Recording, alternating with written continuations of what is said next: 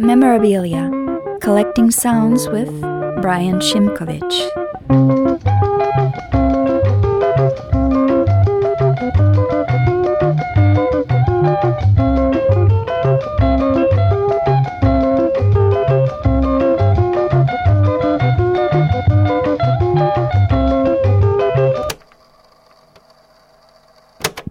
I went to Indiana University in America, and when I arrived there, I didn't know what I was going to study. I grew up playing jazz music, and I thought maybe I wanted to be a jazz musician, but I decided that I wanted to study school stuff. So I luckily discovered that Indiana University happened to have a good ethnomusicology program. So I started spending a lot of time in the library and learning about field work and um, trying to figure out where I would want to do research if I had the chance. I had never traveled outside of America before, and I found out about a study abroad program in Ghana. And you could do your own independent study project during that trip, and I thought that sounded really nice. So I took the opportunity to go sort of get culture shock and go to Accra, Ghana, and some other cities and stay with families and learn about the music there. And well, I guess I was always sort of interested in popular music in an urban setting. So that was kind of my orientation with ethnomusicology. Alkawalemu yaran amore. Alkawalemu ne zumunci alkawalemu yaran amore. Alkawalemu ne zumunci My entire life since I started getting into music early in elementary school, I was collecting a lot of tapes of pop music like Metallica and Led Zeppelin and the Grateful Dead. And uh, I was just really into music and the idea of like accumulating every release of a specific artist. These were in the days before MP3s, so you'd spend time like looking at the cassette label and all that. And for some reason, I didn't get a CD player after all of my friends. So I was still listening to tapes when the CD was like the thing that everybody had. You know, that's just the way that it worked out for me. And then I got deeper and deeper into this type of Grateful Dead music and this band Phish. And they have a lot of live concerts that are recorded. Every single show is recorded and people trade the tapes. And so I was collecting, you know, hundreds and hundreds of these live shows of these two bands and trying to go to their concerts all the time.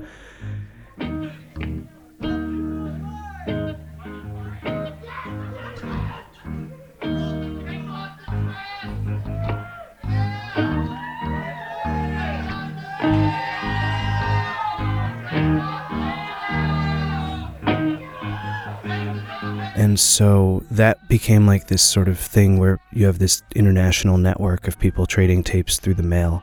And like you would send somebody two blank tapes in a self addressed envelope, and then they would send you the tapes with the recordings on them. And then you would do the same for them with different recordings that they wanted. And so early on in the internet, I was always up there, like on the message boards, sort of fueling my ideas for collecting stuff.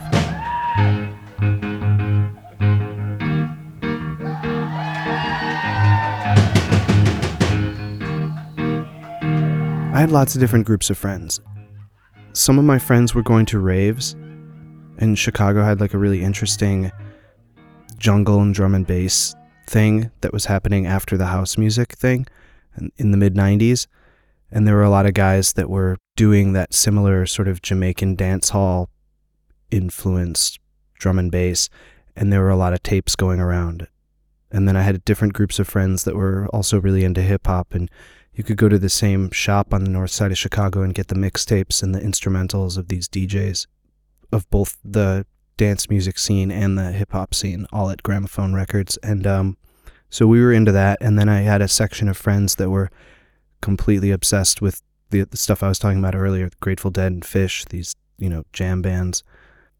But I also was playing in orchestra and wind ensemble and jazz ensemble. I was playing the drums and percussion. So I had like a crew of friends that was really into jazz music, and we were spending lots and lots of time listening to the classic recordings and trying to like find out about other stuff and going pretty deep into those CDs because that was like a period when a lot of the major labels were reissuing or issuing for the first time on CD classic recordings and also deeper recordings of these jazz artists who, you know, put out hundreds of vinyl LPs. So that was like a period of discovery for me.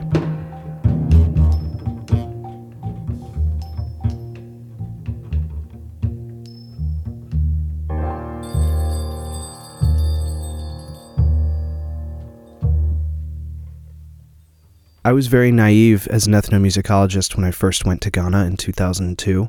I really just wanted the chance to go outside of America. I had one very close friend who was like really into experimental jazz and stuff like that that I was really into um, freshman year of university. And I met him, or sophomore year, I guess. And he had gone to Ghana and he was also a drummer. So we had a lot in common. He was like, yo, check out this high life music, check out this other kind of Ghanaian music and things like that. So I had never really considered going to Africa. But like I said, I had this interest in popular music in cities. And I had done some reading about music in Africa. But like hearing Fela Kuti and hearing a few other Ghanaian artists, Alhaji K. Frimpong and stuff like this, I was like, wow, there's all this other stuff. Like I've already become really well versed in jazz and pop music in America and Europe and like all this stuff that kind of made hip hop and soul music and jazz possible is happening over there. And you asked me if I seemed to know like where music was happening, but I had no idea. I mean, not only had I never really traveled abroad before, apart from a trip to Canada, like I was very clueless about what it would be like in Africa just in general. And then I thought that people were still playing instruments and making high life music and sort of jazz oriented or cultural music or whatever. And Ghana is interesting because they didn't really have that happening anymore. They have a problem with accessing acoustic instruments and things like that. And there's not a lot of interest in popular culture regarding cultural music, traditional music, folk music. I mean, people know about it, people love it, and it's their heritage, but you don't like hear it on the radio or see people playing it very much.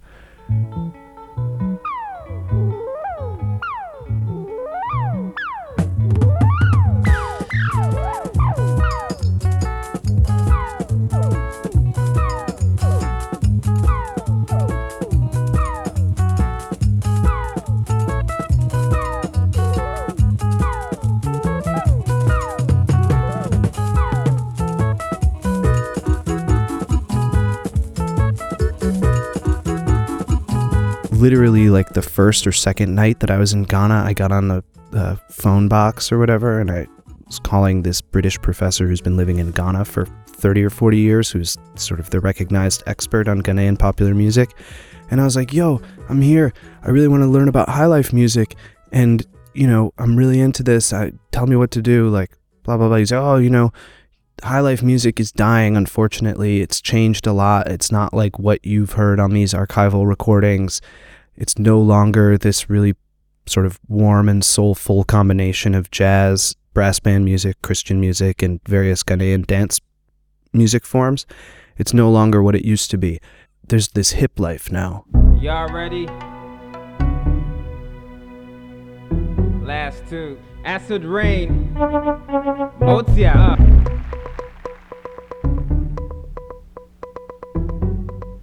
It's these people making rap music in local languages, but it's really bad and they're using really crappy keyboards and the voices, the vocals are all, you know, auto tuned and fucked up and like th- there's no longer this reliance on the quality of the voice and the lyrics and you should do a research project about why the music industry is changing and what's going on with that. And I was like, okay, that sounds interesting.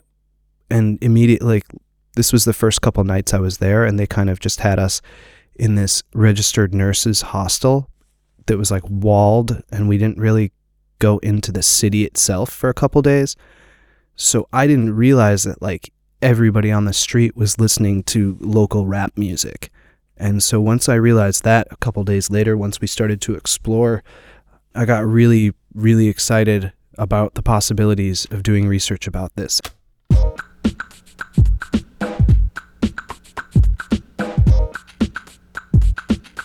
Last two. shit.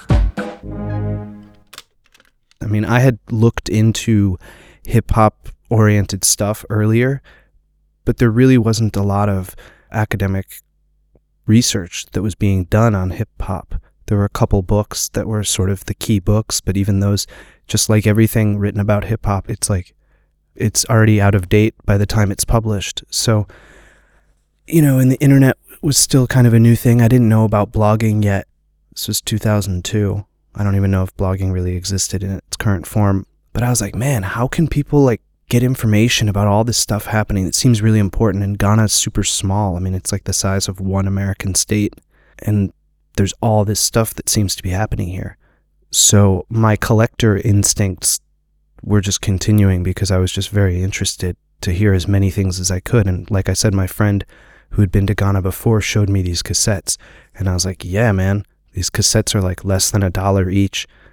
And these guys in the shops are like really into the fact that I'm trying to speak Twi, local language there, or one of the local languages. And um, because I was traveling to different parts of the country, I was just like buying a lot of tapes in the markets. These guys were letting me listen to tapes in the shops, which is like the coolest thing ever because I would just sit there for a while and like ask a ton of questions and, and just explore and be like, oh, do you have music like this? Do you have music like that? Do you have music in this language? What about this?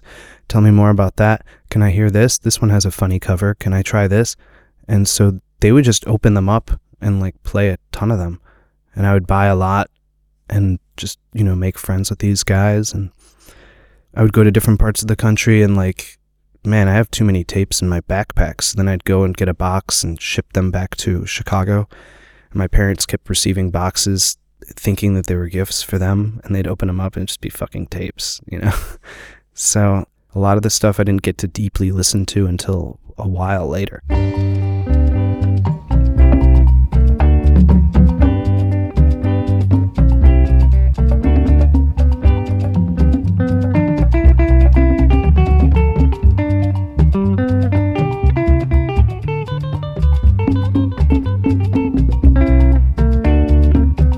That was my first trip to Ghana. I spent five months there.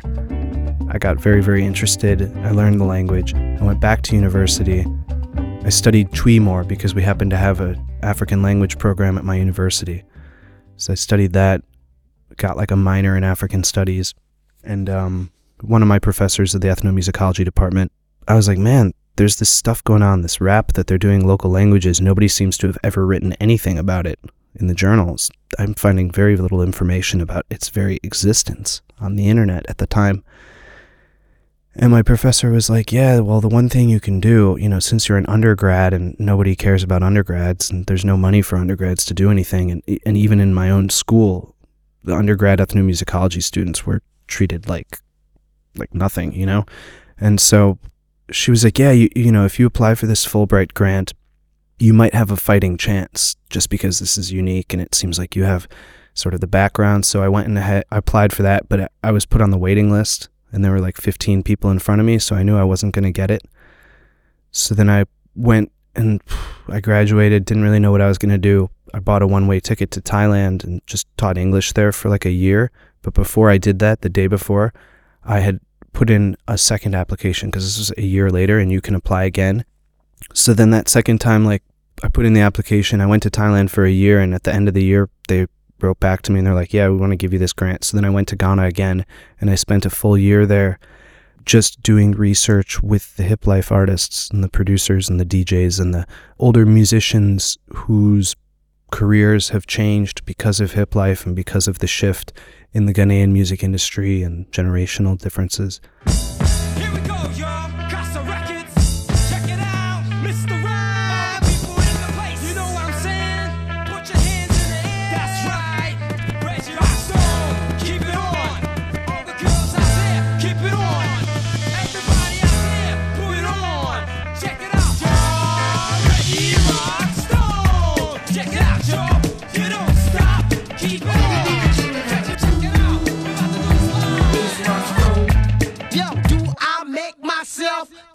And then so after that year in Ghana, just going pretty deep into a lot of different stuff and traveling around West Africa, I moved to New York because I knew that I was always going to move to New York try to find a way to work in music. After a year of doing field work, I realized I didn't want to be a professor. I didn't want to exist in the academic realm.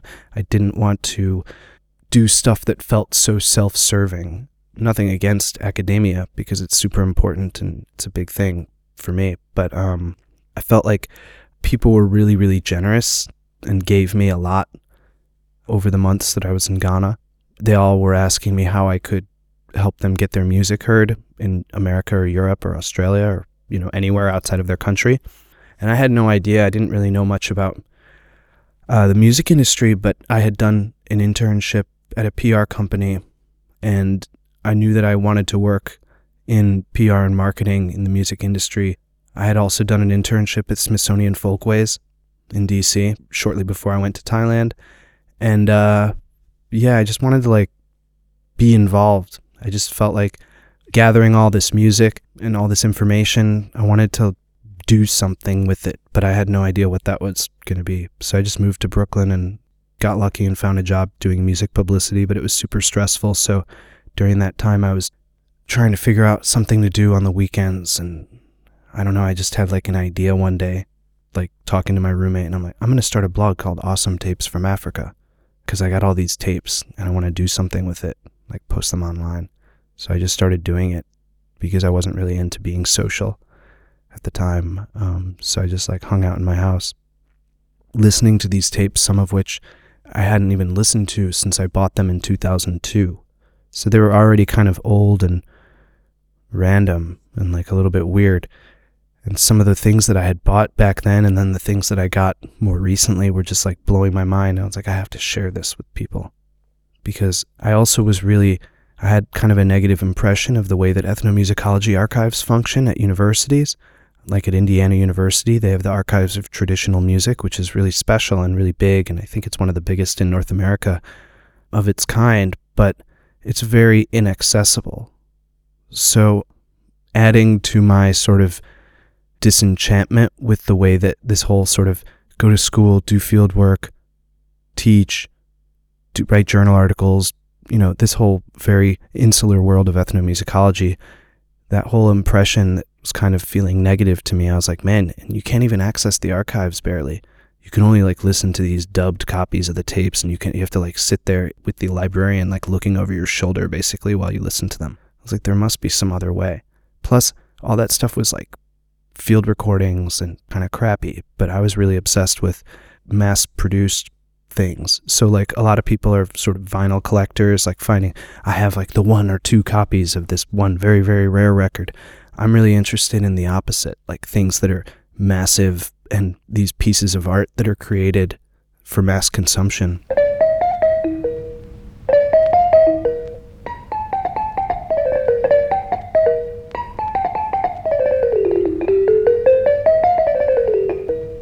Wasn't like a thing about showing off my collection. It was just more like, I'm pretty sure that nobody I know has ever heard this music before, but they have to hear it. So I guess in a way it was different from the way that vinyl LP people sometimes have like this really narcissistic thing about it. Mine was very much about like, yo, check this out.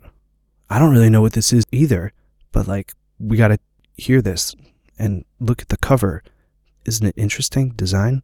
So I tried to avoid like the typical like Afro exoticist Orientalist vibe because having worked a little bit in world music, I don't know, I felt like the music industry kind of cheapened the whole thing. So, like, on one hand, I have this academic background and I know how to talk about music, but on the other hand, I wanted to find a way to communicate it to people without dumbing it down completely. Working in PR in the music industry in New York for seven years, I felt like very quickly I was dumbing down the, what I was talking about. That's how you have to talk to journalists about the music.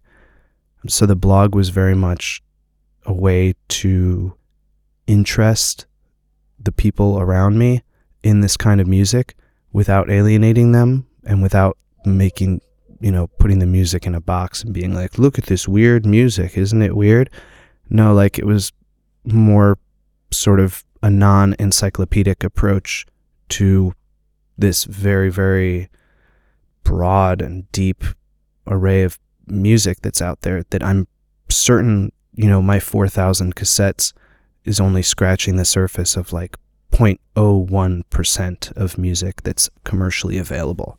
And that's not even to speak of the dubbed cassettes that are going around various regions of Africa of, you know, wedding performances and ceremonial events and radio broadcasts and who knows, you know, there's just so much stuff out there.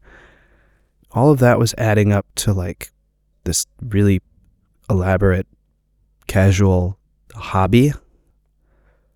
Like elaborate because the ways that I was trying to find tapes was different than the way that record collectors are trying to find records and casual in that like it was something that just kind of kept on building over the years or the months. It wasn't like my main focus while I was in New York. My main focus was like working and just kind of surviving and just figuring out life. But it was like this constant thing that kind of kept me busy and sort of more happy. Like I felt like I was doing something, even though I didn't have the permission of the artists to put their music up, and I nobody was telling me to do it. But nobody was telling me not to do it, and I kind of felt like if I don't do this, who's going to do this? You know, not to sound like self-centered or something, but like just there's all this stuff. You know, there's so much cultural material, and like maybe there's some way to sort of loosely document it in like a more sort of crowdsourced, unpretentious way so that people could just check it out.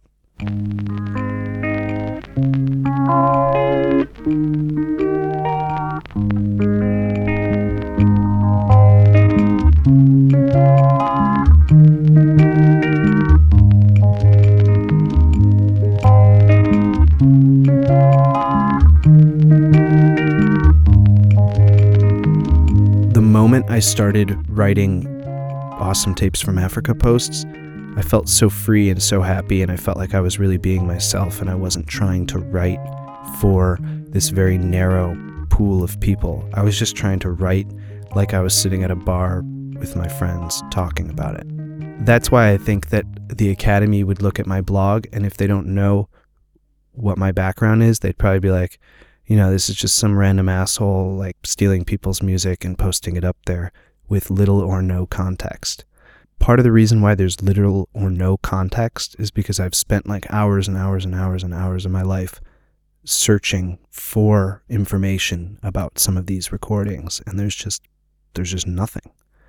But yet still in 2013, a lot of the tapes that I post on the blog, when I Google these artists or these recordings or these song titles, I mean there's just literally zero results, which is amazing. And that really makes me feel like yeah, you know, I'm not doing ethnomusicology in the way that my professors and the way that the, the field has developed. I'm not doing it in that way, but I'm doing the same kind of thing that some of the early ethnomusicologists were doing. You know, nobody's discovering stuff because it was already there. It was already known by the people where they are. But to build bridges, however corny that sounds, I mean, to build bridges between where we come from and some of the other places in the world that are doing interesting things. I mean, there's tons of implications, economic and social, and you know, there's a lot of problems. Like, why can't Africans come to Chicago and do a research project on Chicago house music, and or go to Brooklyn and do a research project about hip hop from Brooklyn? I mean, it's the world's like a fucked up place, and uh, the more popular my blog and my project has become, the more I've gotten, you know, called a racist or a neo-colonialist or a exploitating blah, blah, blah. But ultimately, like every day when I think about what I do and how I do it, I go back to the times that I spent in Ghana speaking with artists about what they do and seeing the walls that are built up around them and getting their music outside of their town or even outside of their neighborhood. Ni ban san Allah ya yi ruwan su ba. Ni ban san Allah ya yi ruwan su ba. Karen daure ke kamun kuda. Karen farauta shi ai bai da. Yeah, the whole complex that exists surrounding uh, Westerners' value that they place on things that are quote unquote vintage is a really interesting thing that we're going through with our generation and with uh, media and expression these days. I mean, if you look at everywhere we go, there are all these things that are made to look vintage. And I think that with music, that's a huge thing. So we have this fetishization of the vintage within our own culture. It's like built in. It's totally, you know, retro is totally a thing that everybody knows and uses and embraces. I have not observed as much of that in Africa, if I can generalize. More and more there are some people and places who are like, "Yo, remember our old thing? Like let's let's really check this out." But for the most part, what I've observed, especially in urban Africa, is this push for the new. Danger! So, part of I think what's made Awesome Tapes from Africa interesting for some people is the sort of vintage look to the cassette design, to the fact that it's about the cassette, which is wrapped up in a million types of retro and vintage symbolism for us in our Western cultures. So there's this whole vintage thing to it. I've always been really interested in new stuff. Like I said, my preoccupation with hip hop is part and parcel to this idea of the new and the modern. But with the label that's grown out of Awesome Tapes from Africa, the blog, I've so far mostly focused on older music because I want to put out records that feel timeless.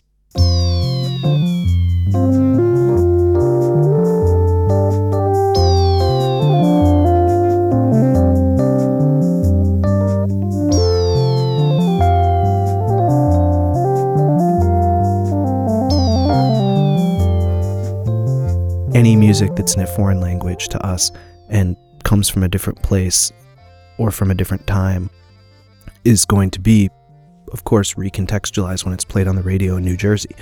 But I think that part of being an ethnomusicologist is figuring out how to negotiate the terrain without cheapening or messing up either side, which of course is impossible to do, and authenticity is impossible to achieve. But I spent a lot of time when I was searching for music talking to people and being like, oh, what's like the older one? You got some of the old music? Like, you know, and a lot of people are like, oh, this is the old music, you know. Or I would speak with the young rappers about, you know, where did you first hear rap in Twi? And they would all say, Gyedu-Blay Ambolley, of course, this 70s high life musician who did some sort of funk recordings and stuff like that and was the first guy to do something that could be construed as rap in Twi. There have not been a ton of situations so far for me where, as a label guy, where I've had to talk to the musician and say, here's why we need to release your old stuff. Because to be honest, the older musicians I've talked to, they're just really excited to have their music more widely released and recognized by a new community of listeners. Most of them are familiar with this sort of hippie approach to world music and I try to explain to them that Awesome Tapes from Africa reaches a different type of audience, um, that it reaches that traditional world music audience, but it also reaches a whole bunch of other people who are more on the periphery of that world. And I think that working with older musicians, the older they are, the more practical they are in a lot of ways. I mean, I did like last week in speaking with the next artist whose music will be released on Awesome Tapes from Africa. You know, he was like, "Yo, I have tons of new stuff, but um, you should check it out." And I wanted I wanted to check it out and I asked him to send it to me because I want to book shows for him to play. I mean, he's living in DC, he's a taxi driver, but he's this incredible organ player from Ethiopia who recorded a whole bunch of underappreciated but super crucial instrumental music. One man band, you know, early drum machine, analog synth, accordion, instrumental music.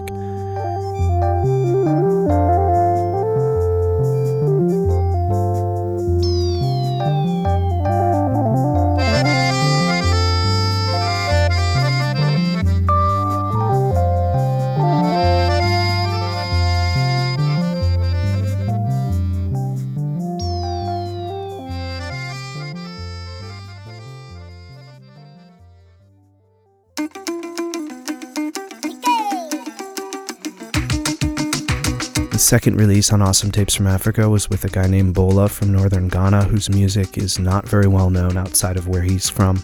partially because of language and also just because it's a different style of music. And he melds traditional music with modern music in a really fun and interesting way that when I first heard it, I was like, man, people in New York would love this. This is really special. This is really cool. And this sounds like nothing I ever heard the whole time, the year and a half or whatever that I spent in Ghana. I never knew about this music. That I'm sure a lot of people down in Accra and Kumasi, the centers of music production in Ghana, where things are a little bit more modern and shiny, I'm sure they would hear this music and not only criticize it for being in a northern dialect or northern language, which none of them understand, and they also have lots of preconceived notions about how northerners are this and northerners are that. But they would also be like, man, this production is kind of ghetto, like not really high quality. We make much nicer stuff down here and it's way more modern sounding. It sounds like from London or New York. But maybe in the future or over time, if people find out that his music is actually available in shops in Spain and Greece and Australia and New Zealand and Japan, maybe people will feel like, oh, I should give this music a second look.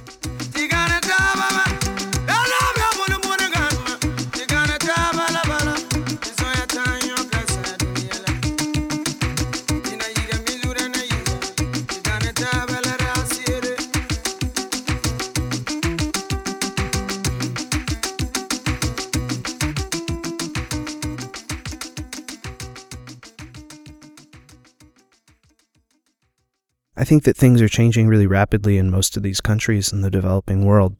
And it's been a few years since I was in Ghana, but I could see that there's definitely a language hierarchy to the music that gets played on the radio. And the Fra Fra language that Bola is singing in, you know, has no place in it. But those language politics are completely thrown out the window once you play that music outside of Ghana. And then people are just like, yo, can I dance to this? Am I into this? Do I like the quality of his voice? So, like, I played a DJ set a couple weeks ago in Ethiopia, in Addis Ababa, and I played a Bola track, and uh, the people were into it. It had that sort of beat, almost like a disco beat, but it kind of reminded me of one of the rhythms that people hear a lot in northern Ethiopia. And so people were dancing to it and people were into it. And they didn't know the language in the same way that you know, some of the people that criticize what I do, they say, oh, yeah, it's just a bunch of like hipsters in London or whatever, like dancing to music. They don't know what the music means. And yeah, there's problems about that. Sometimes people think that maybe it's a happy song, but he could be talking about how his mother died. You know, that's that's a problem we experience all the time. And how many people are listening to Beyonce in Korea and have no idea what she's saying, whether negative or positive or controversial or mundane.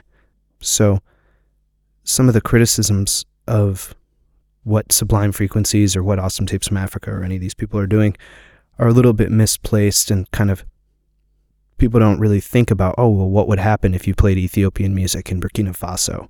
People would probably dance to it, you know, even if they don't know what it's about or what, you know, whether it's cool or not.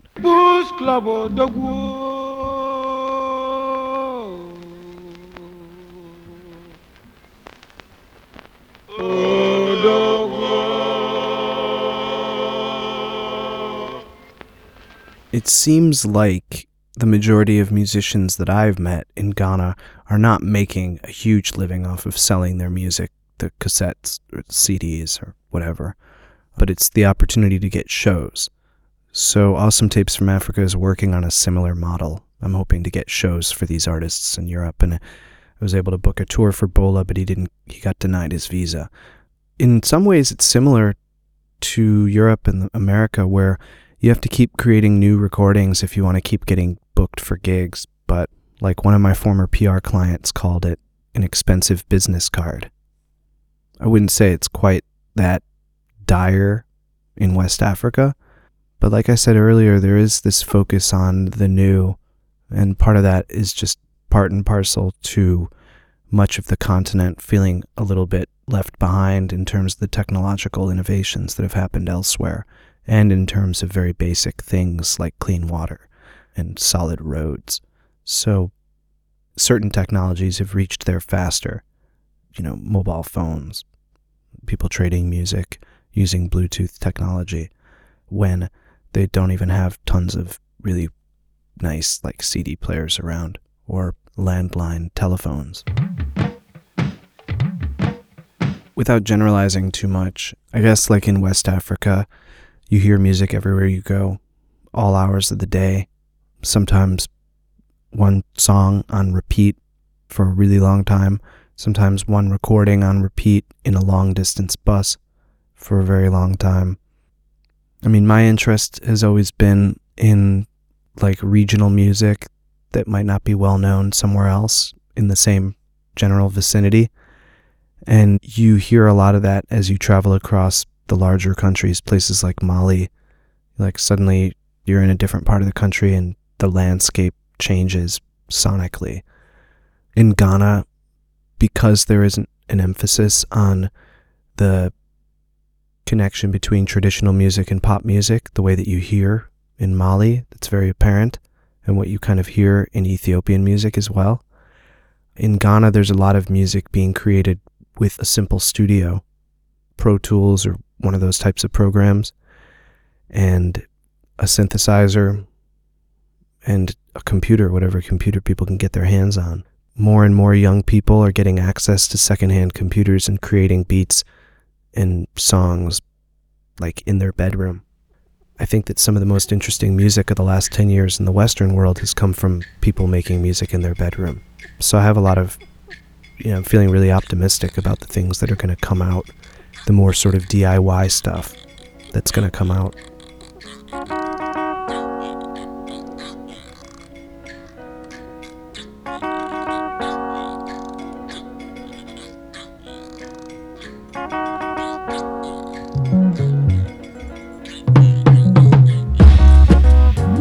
Isn't that cool the way that the digital sphere kind of levels the playing field?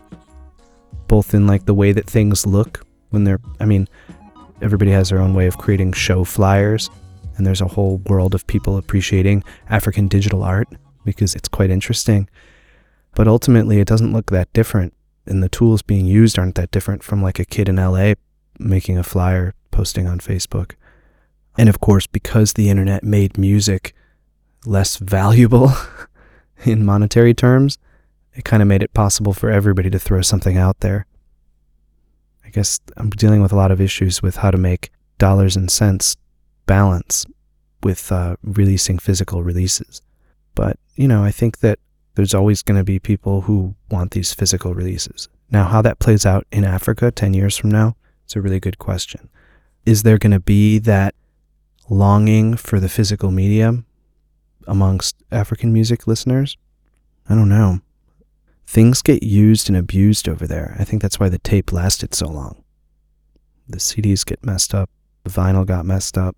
The tape is the reason why the vinyl stopped being manufactured in Africa altogether because of the piracy.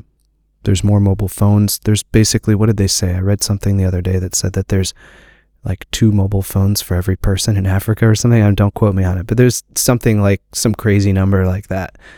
So I wonder what it is. I wonder if it's a cultural thing that's kind of inherent or if it's something this need for the vintage and the retro and the you know nostalgia thing. I wonder if that's just really just because we live in the rich world.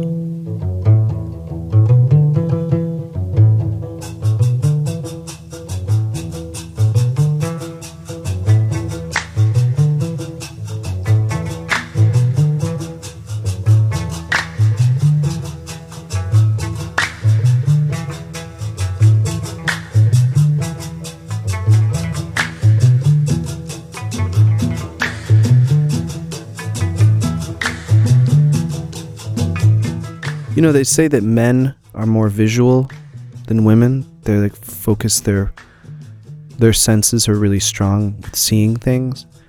And I think with music collecting, for me, like maybe it's because I'm a man or maybe it's the type of person I am, but it's a very visual thing. You know, to be able to see things and visually organize them and pick out the ones that are visually what I think they might be or what I think they might not be and uh, searching through MP3 libraries is very difficult. It's very difficult to like pick out the stuff you want. And I remember in the days of Napster, before they cracked down and made it impossible, everybody has their own way of tagging these files and it becomes very like messy and hard to follow. And that type of thing doesn't really work for me. It's not really interesting to me. I don't know how I would have found some of the interesting things that I have found if I was just all I had to do was click to get it. And I think that's one of the problems of my blog that I've seen.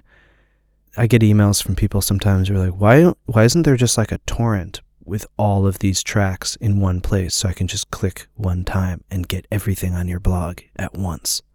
It's like, yo, dude, it's a shitload of free music. Take it easy. I think you can click your mouse 10 times for this tape.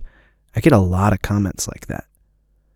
So clearly, we're moving in the direction where people just want to sit in the dark in front of their laptop in a room by themselves, clicking on as many things as they can.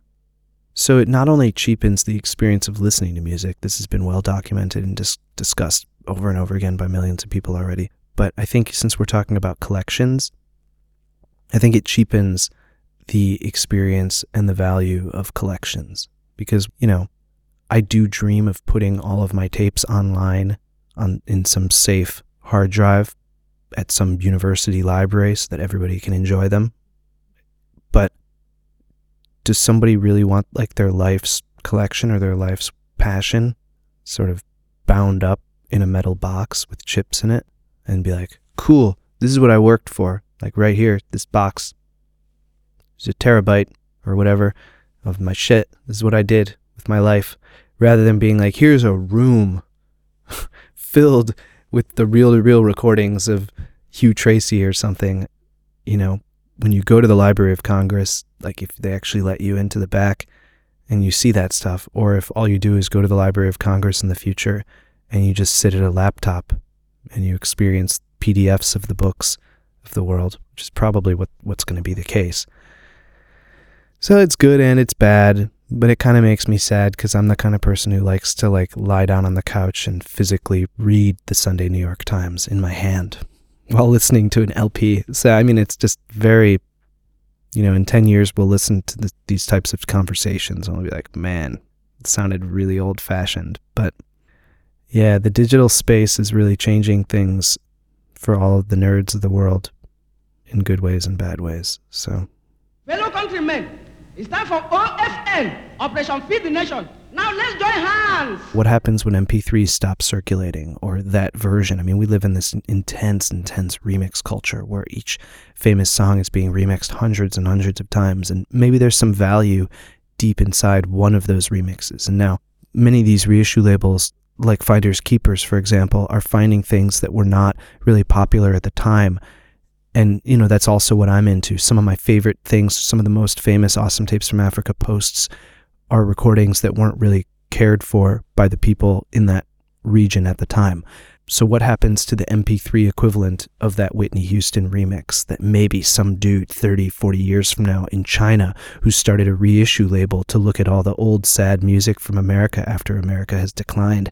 Like, it's like, dude, there are some insane Whitney Houston remixes that were made, but I cannot get access to these MP3s anymore because Facebook has long shut down and Twitter deleted everything on its server after it folded. And, you know, like, what happens in the future? I don't know. It's really weird to think about.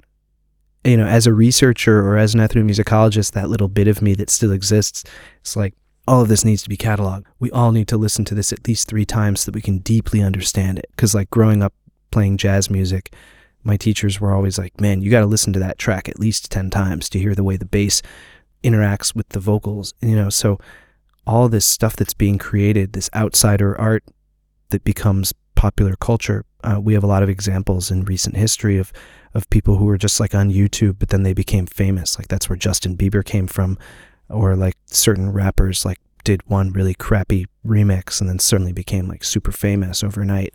So like what happens to these early sounds? Maybe it's not really going to be of value, but somebody somewhere is going to find value in it. But maybe they'll never know it existed because they can't find the physical manifestation of it. But maybe that'll pave the way for a new sort of scene. Maybe the hackers of the future are going to be like not trying to destroy things, but they're trying to hack into like old, dead HTML massive libraries of stuff, trying to like do digital archaeology on like GeoCities and Angelfire websites from like the 90s.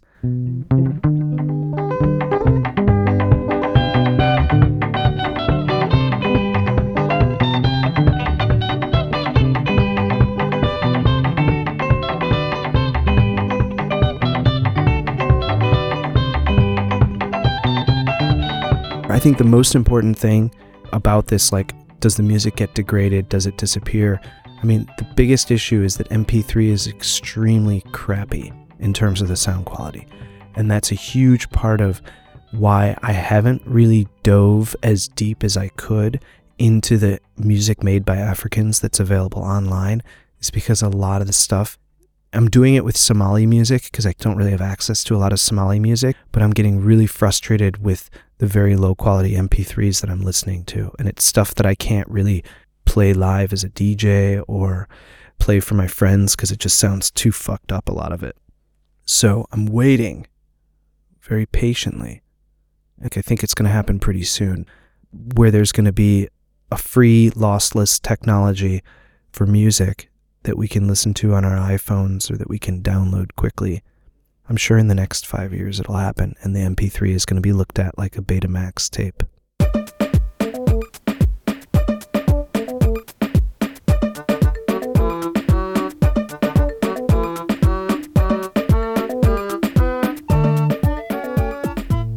I'm a big fan of complete recordings. I like being forced to listen to the entire artistic expression. There's a reason why those songs were put on there. In most cases, yeah, some people would say, oh, they're just filler. You know, things changed with the Beatles and everybody felt they had to put out full length recordings instead of 45s. But no, just like when I was learning how to read, one of my teachers was like, read everything that they put. If they put a preface or a prologue or an epilogue or a table of contents, they put it there for a reason. They're not just wasting paper and ink. So you should read it. I like that about tapes. Number one. Number two, I love the durability, like we talked about. Number three, I think the fact that it uses magnets is like this really cool thing. Magnets are what created humanity and created the geology that we know of on the earth and the universe. And so I like like being connected to magnets. It sounds really like cheesy and weird, but I like how basic it is. It's I don't think that CDs are a better medium. I really don't. I think that that was all just like a marketing thing just to get us to buy more shit. Yes, I think the laser technology and the fact that, you know, uh, using zeros and ones to transmit information, sure. Digital stuff has made our world better, for sure. But the sound on a CD is not pleasing. To watch the CD, the little LCD numbers go by, it's not interesting. I like seeing the progress of the tape as it moves or the progress of the LP as it spins the tape persists in Africa to this day, but not as strong. But a big reason I think was because of the durability and because you could play it in a lot of different vehicles and you could pass it around and the dust doesn't mess it up and whatever. But yeah, there's something I really like about the mechanics of the tape. It's like a really cool design. It's a really brilliant design if you think about it. The way that it's this little machine kind of like that all encapsulated in this very easy to put together bit of plastic. I love that the tape is coming back. I'm moving to California in a couple months, and uh, there's a huge movement of tape labels doing all kinds of music that makes me excited. It's been a long time since I've like gone to a lot of sort of indie rock concerts and lo-fi singer-songwriter or ambient soundscapes. I, I've just kind of gotten away from a lot of the stuff that I really enjoyed in college. And the tape labels that are doing different kinds of pop music are doing it in a really cool experimental way that seems exciting to me. And it reminds me of back when tapes were still the medium, or people were buying seven inches of labels like K Records and Kill Rock Stars and all that stuff. So I'm really excited about the way tapes have taken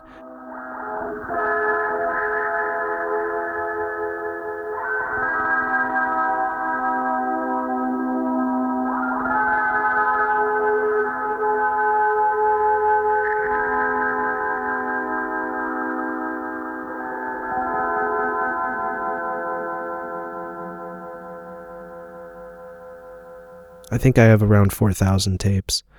Some of them might be doubles. Some of them might be like broken. The big problem is, I guess, that it's all in Brooklyn, but I've been living in Berlin and I'm moving to LA. So I'm trying to like figure out what it all is. I talked to a buddy who knows a lot about archiving in Brooklyn last year, and we were talking about what it would take and how much time it would take and how much money it would take to organize, catalog, and digitalize the whole collection. I mean, it just sounds like such a monumental, insane task that I talked to the ethnomusicology library at UCLA because I still have like a chip on my shoulder about how the Indiana University archive functions. And they're definitely interested in taking my collection when I'm ready to get rid of it. LPs, CDs, I'm like less concerned about. But yeah, I have like a lot of LPs and CDs. And I have a lot of non African tapes. Like I'm just saying 4,000 tapes from the African continent, but then I have like another probably 1,000 of just like these Grateful Dead tapes and stuff like that. So my collection is piled up in boxes in a storage space next to the East River in Brooklyn. And uh, thank God it's on the second floor because that neighborhood flooded after Sandy. And so I was sitting in Berlin, like, just so glad that when I signed up for this storage space, that they happened to give me one that was quite high up. But I'm not overly precious about my collection. One of the things that you might find interesting about what I'm doing is that I'm DJing these cassettes live. Like that's how I'm making my living for the past couple years. And I'm using the original tapes and I'm wearing them out and tearing them up in random dark clubs in Finland and throwing them on the floor sometimes. So it's kind of like uh, my girlfriend gives me shit for saying this, but I still really believe that like life is kind of short and I should just like play, this music is meant to be heard and played. And she thinks that when I say that, I come off sounding like I don't care about it enough or like I'm too casual about it because they are, you know, important documents that maybe could be lost, you know, not to inflate what I'm doing into some world changing thing, but I guess I shouldn't be so careless with them. So I am going through the process of digitizing them for the purpose of posting them. I'm not at the point where I have time or resources to just digitize them to store them. But I'm hoping that some opportunity falls out of the sky at some point and gives me the chance to do that. I'm actually more interested in growing the collection more. I'm interested in delving into the public archives or the government archives of various African countries and helping them restore and store their own stuff. I'm less concerned about cataloging my boxes and boxes and boxes of tapes.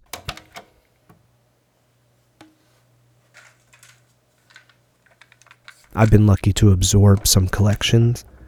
Guy who worked for years in various African countries for Voice of America uh, gave me his collection, which was massive.